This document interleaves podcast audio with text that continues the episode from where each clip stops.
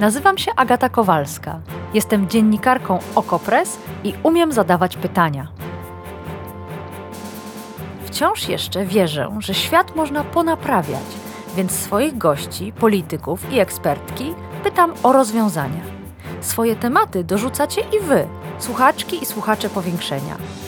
Wspólnie wyrywamy się z pułapki, że nic się nie da i że nic nie ma sensu. Zawsze dochodzimy do sedna. No, prawie zawsze. Zapraszam. Ta historia wstrząsnęła całą Polską. Brzmi jak tani nagłówek, prawda? Ale tak się stało. Mną też wstrząsnęła. Chodzi o życie i śmierć ośmioletniego Kamila z Częstochowy. Wstrząsające jest to, że dziecko było regularnie katowane przez swojego ojczyma, ale równie wstrząsające jest to, jak wielu dorosłych otaczało Kamila i nie ocalili go od katorgi ani od śmierci. Ani sąsiedzi, ani nauczyciele, ani lekarze, ani policja, ani urzędnicy z ośrodka pomocy społecznej, ani sąd, ani rodzina mieszkająca w tym samym domu, co katowany Kamil, nie zdołali mu pomóc. Tłum ludzi, a Kamil i tak nie żyje. O szczegółach sprawy piszemy w Okopres.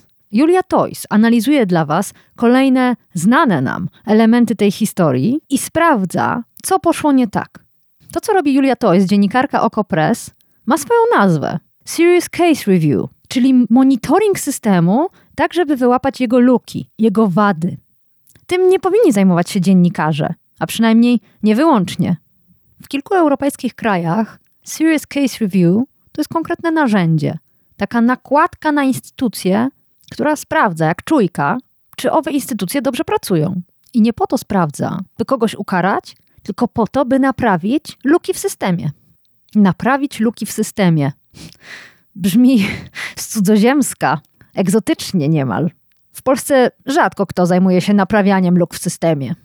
Unikaniem odpowiedzialności, owszem, niedokładaniem sobie pracy też, poczuciem beznadziei, owszem, ale naprawianiem luk w systemie rzadko. Mimo wszystko, w dzisiejszym powiększeniu spróbujemy zrobić dokładnie to. Sprawdzimy, jakimi instrumentami już teraz dysponują różnego rodzaju służby i instytucje, które mają ratować dzieci, przeciwdziałać przemocy w rodzinie, a jakie narzędzia czy przepisy można by im dodać. Innymi słowy, dzisiaj w powiększeniu nie popadamy w beznadzieję.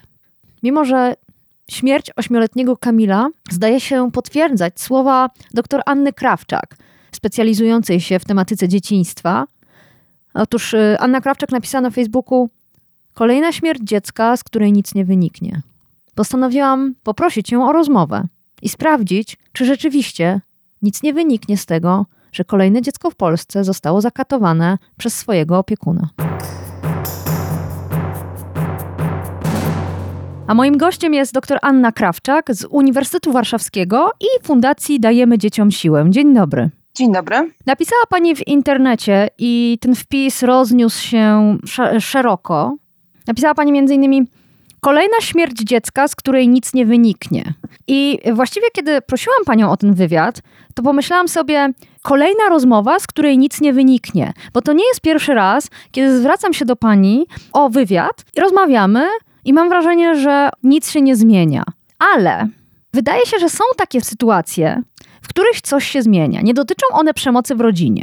Kiedy kolejna osoba zginęła na przejściu dla pieszych, był to ojciec prowadzący wózek z dzieckiem, to rząd Prawa i Sprawiedliwości w błyskawicznym tempie przygotował przepisy chroniące pieszych. Kiedy pani Angelika napisała w internecie, że ma depresję i że nie, nie, ma dnia, żeby nie pomyślała o samobójstwie, oczywiście rozszerzonym, bo jest rodzicem dziecka z głęboką niepełnosprawnością, to dziecko jej odebrano. Więc Zadziałały służby, w poprzednim przykładzie zadziałała władza.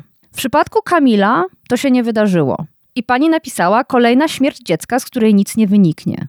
Czy nasza dzisiejsza rozmowa ma w ogóle sens? Oczywiście, że ma sens. Chociażby taki, że to dobrze nazywać między sobą i w ogóle społecznie rozpoznawać i nazywać. Taki rytualny taniec, który odbywa się po każdej śmierci, po każdym skrzywdzeniu dziecka ze skutkiem śmiertelnym, które w Polsce zdarza się około 30 razy w roku. Dotyczy mm, różnych dzieci, najczęściej małych, dlatego że ten taniec ma swój rytm, to znaczy donoszą o nim media, następuje wzmożenie społeczne.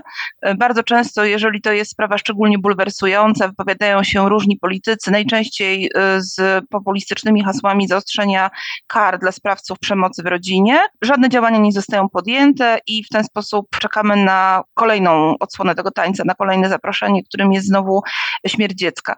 Wydaje mi się, że warto to pokazywać, że jesteśmy wszyscy w ten taniec uwikłani i że jest sposobem, który niczego nie zmienia. To znaczy niczego nie zmienia dla tych konkretnych dzieci. On nie zwiększa poziomu ochrony dzieci przed krzywdzeniem. To, czym się zajmujemy, to znaczy mówię teraz o pani i o sobie w naszych rozmowach, bo nie jest to pierwsza rozmowa, jak pani wspomniała, to nakierowywaniem społecznej uwagi na wiedzę o tym, na informacje o tym, że istnieją sposoby, istnieją metody, istnieją narzędzia, żeby to ryzyko dzieci zmniejszać i żeby chronić dzieci skutecznie przed przemocą.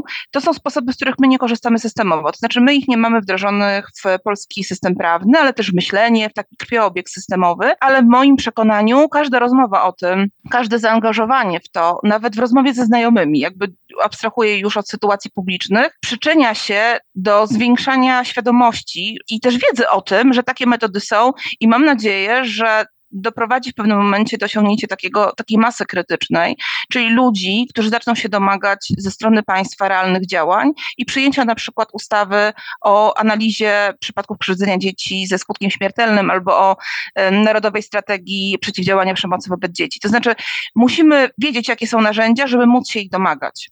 Ale to ciekawe jest to, co teraz pani powiedziała, ale też to, co wtedy napisała pani na Facebooku, że nienawidzi pani sformułowania czynnik ludzki. A ogromną mam ochotę, nie tylko ja, bo widzę to po komentarzach, szukać winnych i ci winni to są jakieś konkretne osoby. Sędzia, urzędnicy w MOPS-ie, nauczycielka, mhm. sąsiedzi. A pani napisała Dosyć już tego. Nie chcę słuchać o tym, że jakiś czynnik ludzki zawiódł. Jak, jak rozumieć pani sprzeciw? Jeżeli chodzi o czynnik ludzki, to, yy, czyli yy, skupienie się na tym, kto zawiódł, kogo ukarać, to to podejście jest bardzo instynktowne, intuicyjne ono wynika z emocji. Każdy z nas ma do tego prawo. Bardzo dobrze to rozumiem, że kiedy dowiadujemy się o kolejnej tragedii, która nas porusza, to chcielibyśmy ustalić, kto poniósł winę i kogo w związku z tym należy ukarać. Ale takim bardzo dobrym przykładem, takim punktem odniesienia są błędy lekarskie błędy w medycynie.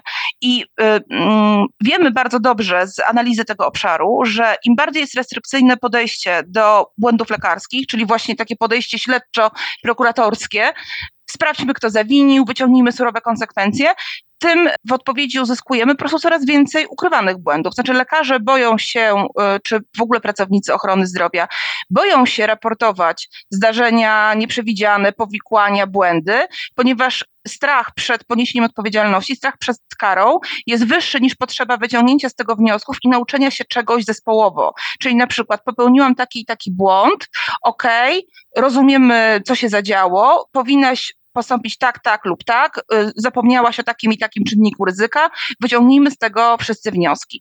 I w przypadku krzywdzenia dzieci jest bardzo podobnie. Jakkolwiek wydaje nam się, że tym, co należy zrobić, jest teraz na przykład zwiększyć um, surowość kar dla sprawców czy dla sprawczyń, to tym, co tak naprawdę, naprawdę działa, no bo to, to, podejście, o którym powiedziałam w medycynie, oczywiście ostatecznie się przyczynia do tego, że im większy mamy wgląd w to, co robimy, im bardziej otwarcie mówimy o błędach i niedociągnięciach, tym większą dajemy sobie, a więc pacjentom szansę na to, żeby z tych błędów wyciągnąć lekcje, żeby przy kolejnym pacjencie tego błędu nie popełnić. Więc e, gdybyśmy to przeniosły na system ochrony dzieci przed przemocą, to celem tego systemu powinno być tak naprawdę minimalizowanie ryzyka i, i chronienie w ten sposób dzieci.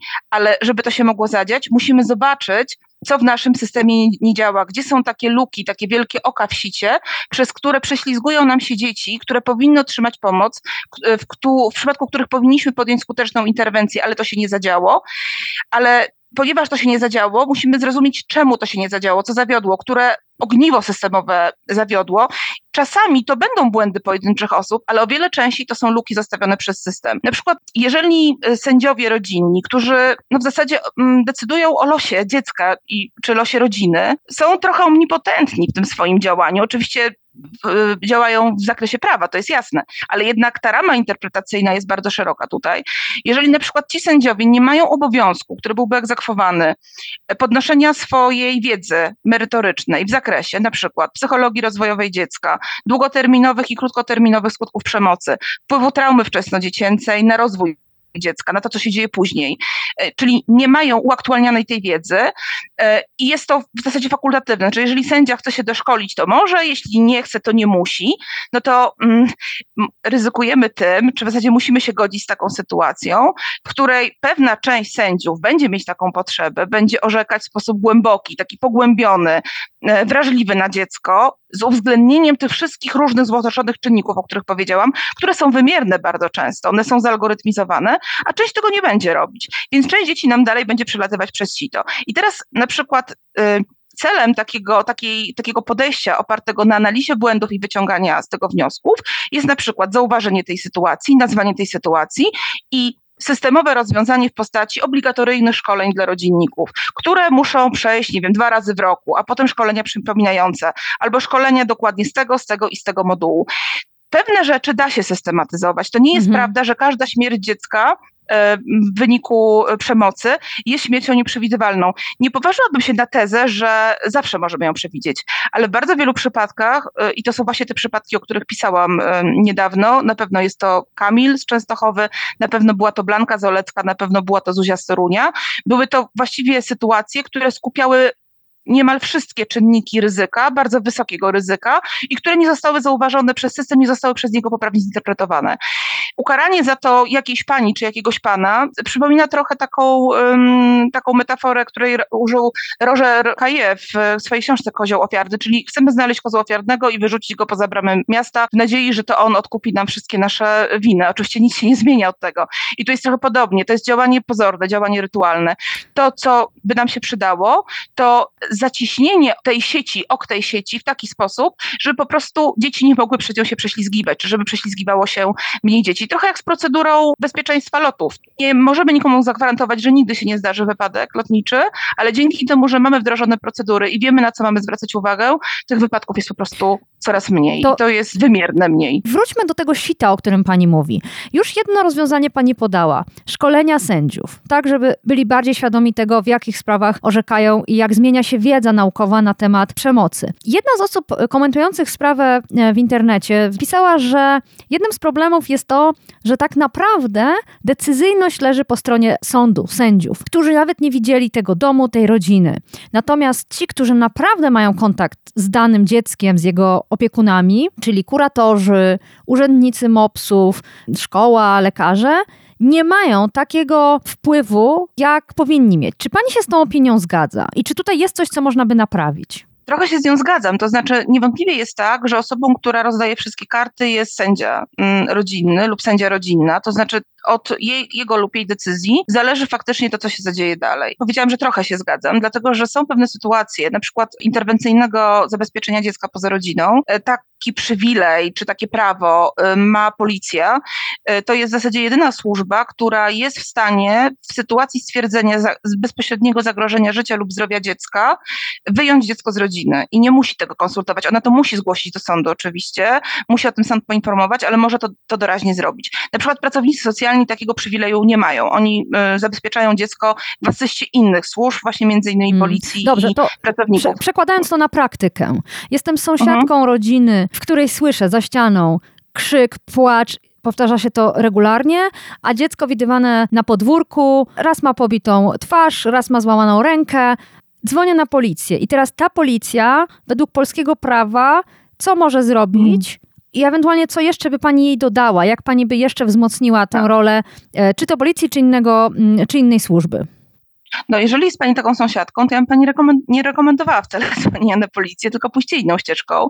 Zresztą polecam tutaj e, taki informator prawny dla profesjonalistów, wydany przez Fundację Dajemy Dzieciom Siłę, który krok po kroku prowadzi przez różne ścieżki interwencyjne, od ścieżki miękkiej, cywilnej, aż po ścieżkę karną. To jest bardzo dobrze rozpisane w formie właśnie takiego algorytmu, krok po kroku, co należy zrobić, Czyli jakie mamy możliwości. Nie dzwonią na ale, policję, to co robią? Znaczy może pani, ale ja bym pani rekomendowała taką ścieżkę. Po pierwsze zawiadomiłabym e, ośrodek pomocy społecznej, równolegle, jeżeli widzę, że to dziecko jest krzywdzone, zawiadomiła, czy widzę, że, że jest posiniaczone, złożyłabym do sądu rodzinnego wniosek o wgląd w sytuację rodziny, to, to jest drugie działanie, i zadzwoniłabym na policję, natomiast wykonując te pozostałe dwie czynności. Ale zaraz, to jest... zatrzymajmy się na tym.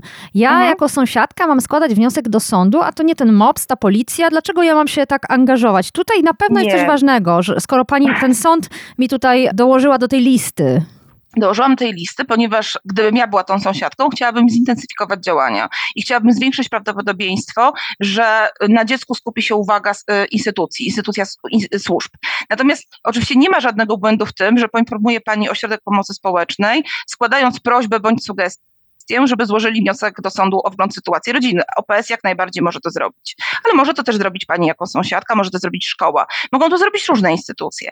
E, jeżeli chodzi o policję, co do zasady, jeżeli funkcjonariusz policji stwierdzi właśnie bezpośrednie zagrożenie życia lub zdrowia dziecka, no to jest zobowiązany, to ma taką możliwość, żeby to dziecko zabezpieczyć w trybie interwencyjnym. I teraz na przykład, jeżeli to dziecko, o którym pani mówi, zostanie zastane przez e, funkcjonariusza policji w swoim domu i będzie to dziecko małe, na przykład do 5 roku życia, które się będzie znajdowało pod opieką rodziców nietrzeźwych, to prawdopodobieństwo, że to dziecko zostanie interwencyjnie zabezpieczone jest bardzo wysokie. Dlatego, że w tym momencie znajduje się pod opieką osób, które są niezdolne do pełnienia Ale opieki. To jest bardzo istotne, dlatego że jeżeli policja przyjedzie zobaczyć, co się dzieje w rodzinie i zastanie dziecko, które może ma siniaki mm, i może nawet ma siniaki na buzi, czyli można je od razu zobaczyć, ale rodzice udzielają spójnych, klarownych wyjaśnień, no to w zasadzie ta policja niespecjalnie ma podkładkę do mhm. tego, żeby stwierdzić, że zagrożone jest czyjekolwiek życie lub zdrowie, tym bardziej bezpośrednio. Ja dlatego dodałam ten aspekt nietrzeźwości opiekunów, ponieważ to jest coś bardzo namacalnego, coś bardzo wymiernego. To jest taki szczególny przypadek. A... Ale wydaje mi się, że to jest taka mhm. bardzo praktyczna wiedza i warto ją mieć. A e, jeśli zadzwonię do e, ośrodka pomocy społecznej i powiem, że jest taka rodzina, w której coś bardzo źle się chyba dzieje, to oni mogą po prostu z ulicy przyjść do tej rodziny, obejrzeć to mieszkanie, porozmawiać z tym dzieckiem, czy też znów muszą mieć decyzję sądu? Nie, to wtedy prześlą pracownika socjalnego, żeby porozmawiał z rodzicami, żeby jakby z, z, zrobił takie wstępne rozpoznanie, tak? Nie ukrywajmy też, że bardzo często dzieci, w których sprawie interweniujemy, to są dzieci, które są znane już ośrodkowi pomocy społecznej. To znaczy ta rodzina już znajduje się pod jego opieką. Mimo to warto to robić, dlatego że nawet jeżeli wiemy, że jakaś rodzina korzysta już z pomocy OPS-u, jest nią objęta, no to takie myślenie, dobrze, to nie będę ich powiadamiać, bo oni to już wiedzą, jest myśleniem błędnym. W przypadku dzieci, dzieci bardzo często działa tak zwany efekt kumulatywny. Pojedynczej osobie interweniującej bardzo często się wydaje i co więcej jakby ma rację w tym swoim spostrzeżeniu, że ona dzwoni, ona poszła, ona wykonała krok, a interweniować jest trudno. Jest też bardzo duża bariera emocjonalna. My się boimy często interweniować i jakby zupełnie tego nie oceniam. To jest naturalne. Nawet jeżeli się ma duże doświadczenie w interwencjach, to każdą kolejną i tak się przeżywa. Więc z jednej strony ponosimy duży nakład emocjonalny, pokonania swojego własnego lęku, zdobycia się się na odwagę i tak dalej, żeby coś zrobić, a później patrzymy, że następnego dnia sytuacja się powtarza i znów się powtarza i mamy takie poczucie, że wobec tego to wszystko jest bardzo nieskuteczne. Efekt kumulatywny, o którym powiedziałam, jest efektem, który można zobaczyć tylko z pewnego zakątka tego systemu i ten przywilej nie jest dany każdemu. To są, to są osoby, które mogą to zobaczyć, do których to dziecko trafia finalnie. Na przykład bardzo często w tej roli są rodzice zastępczy, którzy zapoznając się z dokumentacją dziecka, widzą, ile pojedynczych wysiłków, zupełnie nieznanych znanych sobie wzajemnie osób złożyło się na to, żeby to dziecko mogło zostać zabezpieczone. No, ale mnie, I na przykład widzą.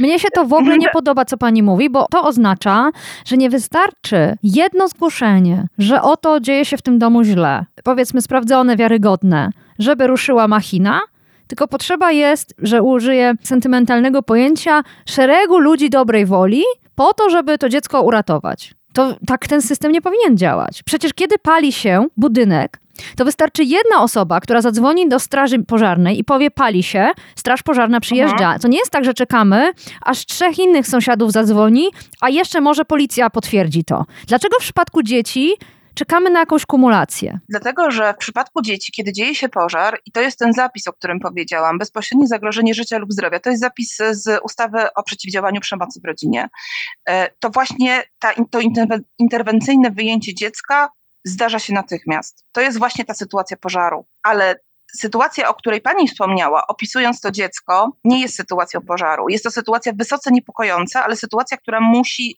zostać zbadana. Znaczy służby muszą ją, obe- muszą ją obejrzeć, tak? E, sytuacji, pożarem ona się staje wtedy, kiedy albo pani przychodzi i stwierdza pani jako naoczny świadek, że dziecku dzieje się krzywda, to są sytuacje pożarów, ale pani taki obraz namalowała, kiedy wydaje nam się, że widzimy dym, tlący się pod drzwiami, ale tak naprawdę nie jesteśmy do końca pewni, czy tak, to jest dym, czy to tak. jest może, nie wiem, para wodna, tak? Mhm. To nie jest tak, że dziecko, które jest w sytuacji bezpośredniego zagrożenia życia lub zdrowia, nie ma w polskim prawie przewidzianego mechanizmu interwencyjnego. Ma.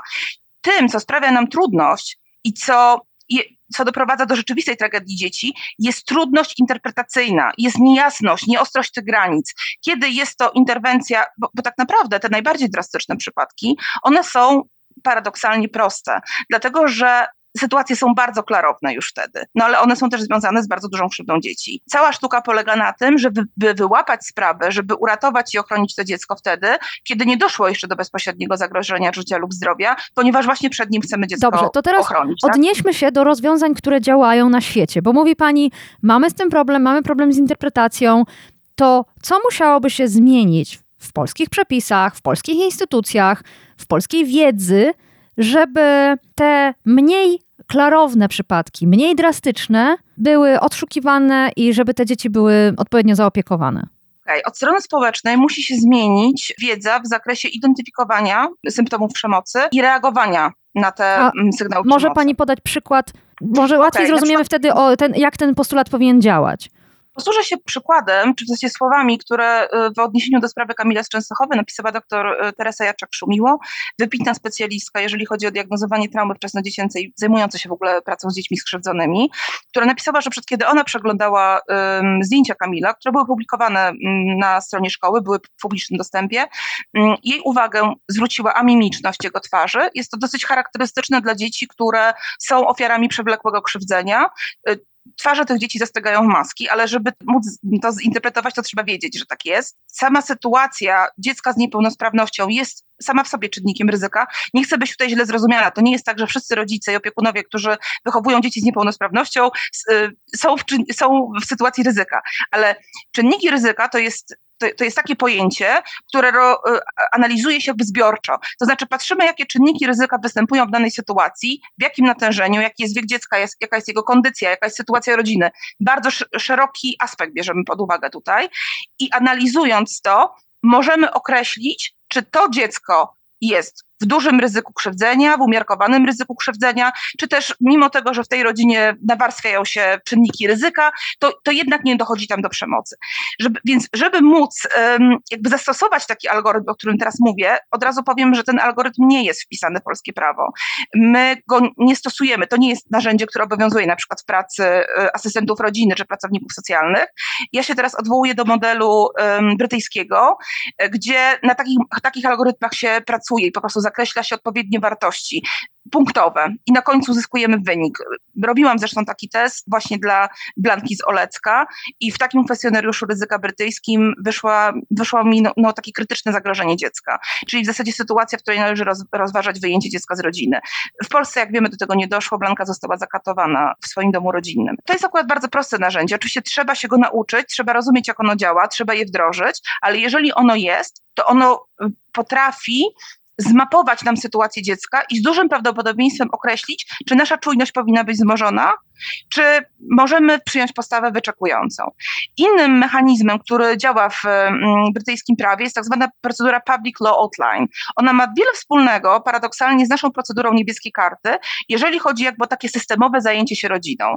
To, czego nasza procedura nie posiada, a, którą, a co posiada brytyjska, to po pierwsze to, że e, tam służby społeczne mają e, kompetencje pracy z rodziną i gromadzenia też dowodów, znaczy one dokumentują, które zadania rodzina wykonała, w jaki wymierny sposób zwiększyła lub nie zwiększyła bezpieczeństwo dziecka, jakie kroki wykonała i jeżeli ona tych kroków nie wykona, to znaczy jeżeli sytuacja dziecka się nie poprawia, albo się pogarsza, albo pozostaje w takim samym miejscu, po pewnym czasie, jest to mniej więcej 8 tygodni, służby brytyjskie występują do sądu o wydanie zarządzeń opiekuńczych. Ale zaraz, Polski bo ja tego nie rozumiem. Procedura Public Law Outline, o której powiedziałam, ma tę moc, e, której jakby nie jesteśmy w stanie przenieść na polski grunt, nie mamy czegoś podobnego, że dla sądu ta praca, którą służby społeczne wykonały z rodziną i ją udokumentowały, dla sądu, do którego trafia ta, ta, ta, sprawa finalnie, bo tym się kończy procedura public law outline, jeżeli rodzice nie podejmą wysiłków, jeżeli nie podejmą pracy,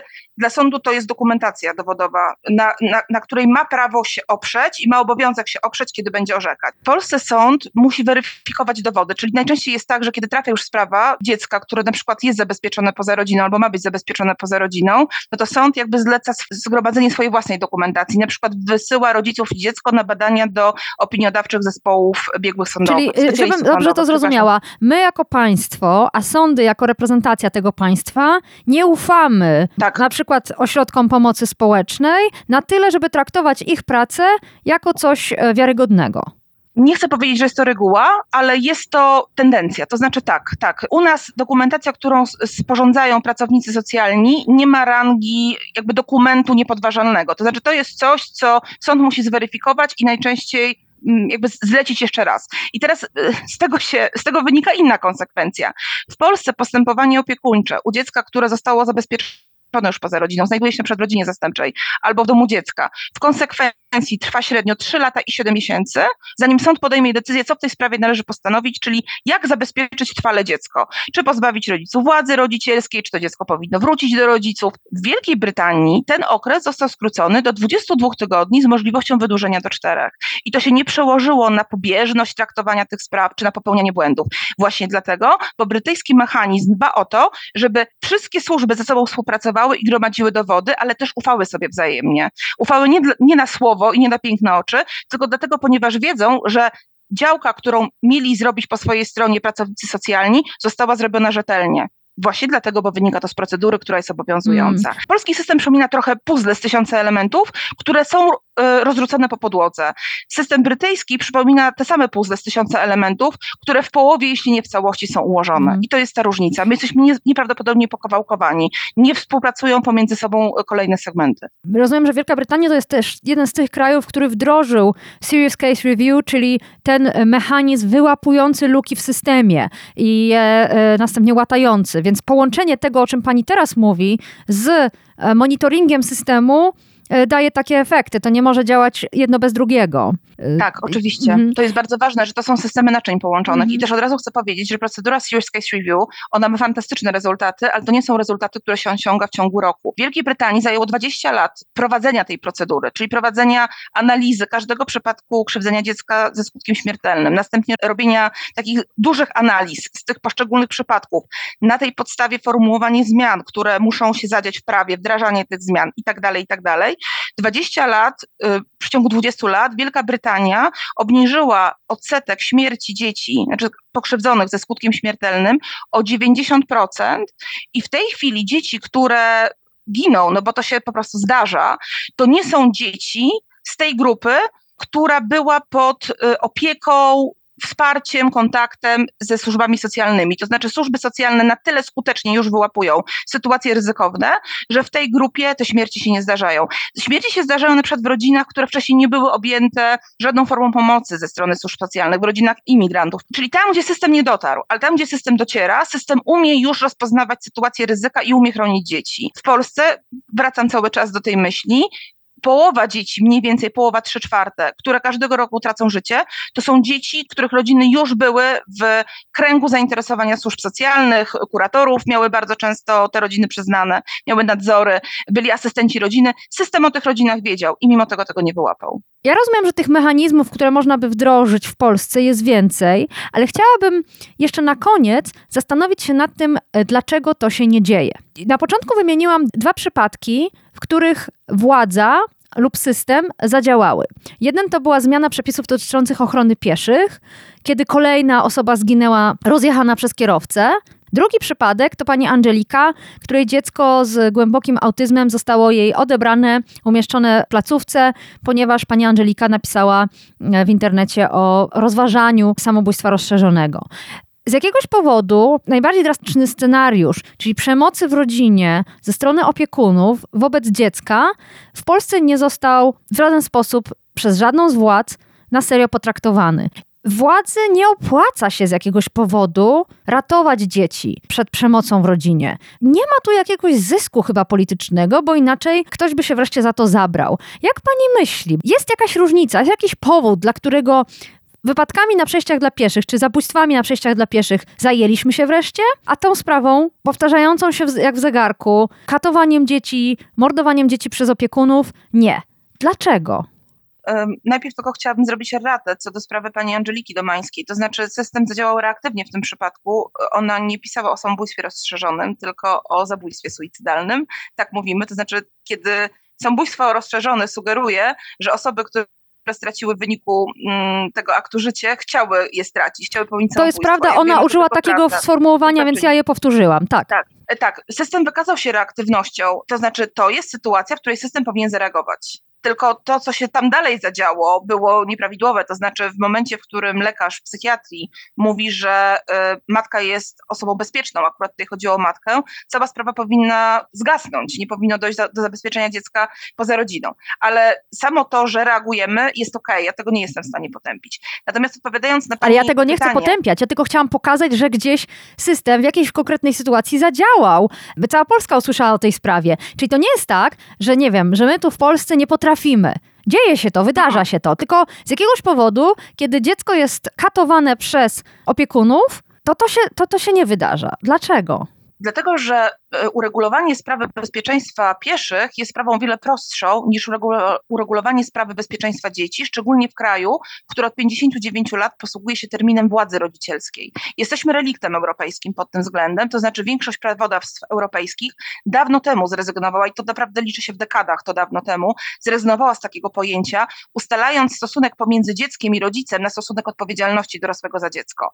W Polsce mamy, i to jest bardzo głęboko wdrukowane w nasze przekonania, mamy takie wyobrażenie, że relacja pomiędzy dorosłym i dzieckiem to jest relacja władzy. Władza, jak sama, sam, sam ten termin e, implikuje, oznacza zarząd nad drugą osobą, to znaczy posługiwanie się nią jako pewnego rodzaju biologiczną własnością. Od tego bym zaczęła. Druga kwestia jest taka bardzo praktyczna, że uregulowanie bezpieczeństwa dzieci, czy to poprzez powołanie Ministerstwa Dzieci, czy to poprzez powołanie Urzędu Bezpieczeństwa Dzieci, czy zmianę ustawy, to są działania międzysektorowe, to znaczy musielibyśmy mieć to zaangażowane Ministerstwo Rodziny i Polityki Społecznej, Ministerstwo Sprawiedliwości, Ministerstwo Zdrowia, Ministerstwo Edukacji to bardzo potęguje komplikacje, czyli trzeba było mieć dużą wolę i determinację, żeby spróbować to zmienić. Oprócz tego jeszcze musimy jakby mierzyć się z różnymi przekonaniami kulturowymi, to nie są proste procesy. I wreszcie trzecia rzecz. Trochę zaznaczyłam to, kiedy mówiłam o Serious Case Review i, i historii Wielkiej Brytanii kalibracja ochrony dzieci, zwiększanie ich poziomu bezpieczeństwa, ale też powiększanie zakresu praw dzieci, to są sprawy liczone w dekadach. To się dzieje bardzo powoli, to jest proces oznacza to dla polityków, że jakby zysk polityczny, który będą z tego mieć, będzie zyskiem, który zostanie prawdopodobnie skonsumowany przez ich następców albo przez następców ich następców. Czyli nie jest to takie działanie polityczne, które przy całej komplikacji, nakładach czasu, energii, które pochłonie, będzie działaniem, które przyniesie szybki efekt, który będzie można pokazać wyborcom. E, oczywiście ja nie chcę mówić, że przedstawiłam tutaj kompletną diagnozę, bo ta sprawa jest o wiele bardziej złożona, ale myślę, że te trzy kwestie są trochę takimi języczkami uwagi, które powodują, że jesteśmy w Polsce niezwykle oporni, żeby robić coś więcej niż tylko deklarować. To znaczy, mm. jesteśmy bardzo do, dobrze w postulowaniu i deklarowaniu. Jeżeli chodzi o ochronę dzieci, bardzo źle nam idzie wdrażanie tego w praktykę i zmiana prawa. Tak mówiła w powiększeniu doktora Anna Krawczak, badaczka z Uniwersytetu Warszawskiego, członkini Fundacji Dajemy Dzieciom Siłę, fundacji, która mimo braku wsparcia mimo braku dobrze działającego systemu, z mozołem od wielu lat przeciwdziała przemocy wobec dzieci. I jest to fundacja, od której przestał odbierać telefon nie kto inny, tylko Rzecznik Praw Dziecka. To dosyć symboliczne, nie sądzicie? Ale mam jeszcze jedną myśl na koniec. Dla odmiany o Zbigniewie Ziobro.